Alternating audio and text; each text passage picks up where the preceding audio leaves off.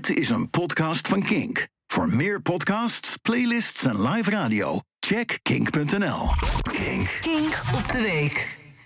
Noem mij een polariserende orenstoker, maar ik vind dus dat mensen elkaar niet moeten bombarderen, afschieten of laten sterven door honger, dorst of gebrek aan medische zorg. Kan me niet schelen wie het zijn, maar ik vind dat als je kan kiezen tussen elkaar afmaken of elkaar niet afmaken, dat je dan zonder uitzondering moet kiezen voor elkaar niet afmaken. Echt, ik heb de kieswijze daarvoor honderd keer ingevuld en honderd keer was de uitslag elkaar niet afmaken. Terwijl ik snap heel goed dat je soms mensen wil afmaken. Hè? Ik heb ook wel eens hele trage mensen voor me bij de zelfscan. Maar toch, doe maar niet. Sterker nog, zelfs mensen die nog altijd de Crazy Frog als ringtoon op hun telefoon hebben, maak je wat mij betreft niet dood. En kijk, ik weet het, hè, de situatie in Gaza die is heel complex en er is een hele lange geschiedenis met aanvallen over en weer. Maar ik blijf erbij.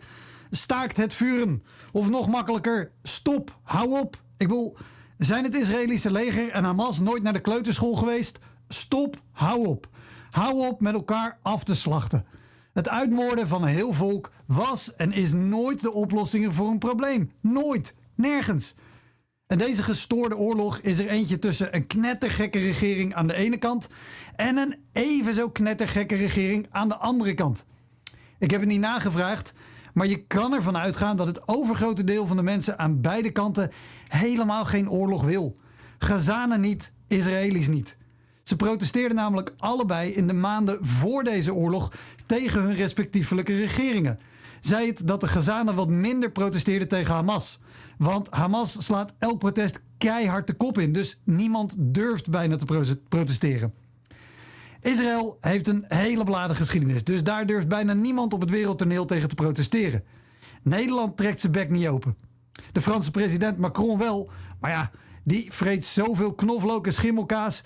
Hij kan zijn bek zo ver opentrekken als hij wil en nog durft niemand bij hem in de buurt te komen. Bij hem vraagt iedereen om een staakt het meuren. En toen er een stemming was bij de Verenigde Naties voor een staakt het vuren, onthield Nederland zich van stemmen. Want, zo zei Mark Rutte, het was heel complex.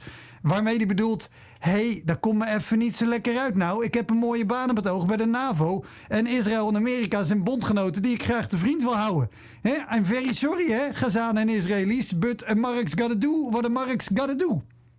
En toen er een memo lekte van de Nederlandse ambassade in Israël, waarin staat dat Israël internationale verdragen en oorlogswetten schendt met een hoog aantal burgerdoden als gevolg, draaide het kabinet bij en riep ze Netanyahu direct op tot een staakt het vuren. Natuurlijk niet. Het ministerie van Buitenlandse Zaken stelt een onderzoek in naar het lek. Dat is begrijpelijk, want na 13 jaar documenten kwijtmaken is het even wennen als informatie zo snel naar boven komt. Een volk van 2 miljoen mensen kan op dit moment nergens heen. Alles wat ze hebben wordt vernietigd. Hun huizen, hun bezittingen, hun hoop, hun dromen, hun families, hun kinderen. Wij, jij, ik kunnen geen staakt het vuren afdwingen. Wat wij wel kunnen doen is beseffen dat niet elke moslim, niet elke Palestijn een Hamas-strijder is. En dat niet elke Jood, niet elke Israëli een Israëlische soldaat is. Behandel ze dus ook niet zo. Kerst is nog vijf weken weg, dus het is wat vroeg, dat weet ik. Maar toch, shalom, salam, vrede zijn met u. Bedankt voor het luisteren naar deze Kink-podcast. Abonneer je op deze podcast via de Kink-app en wees altijd op de hoogte.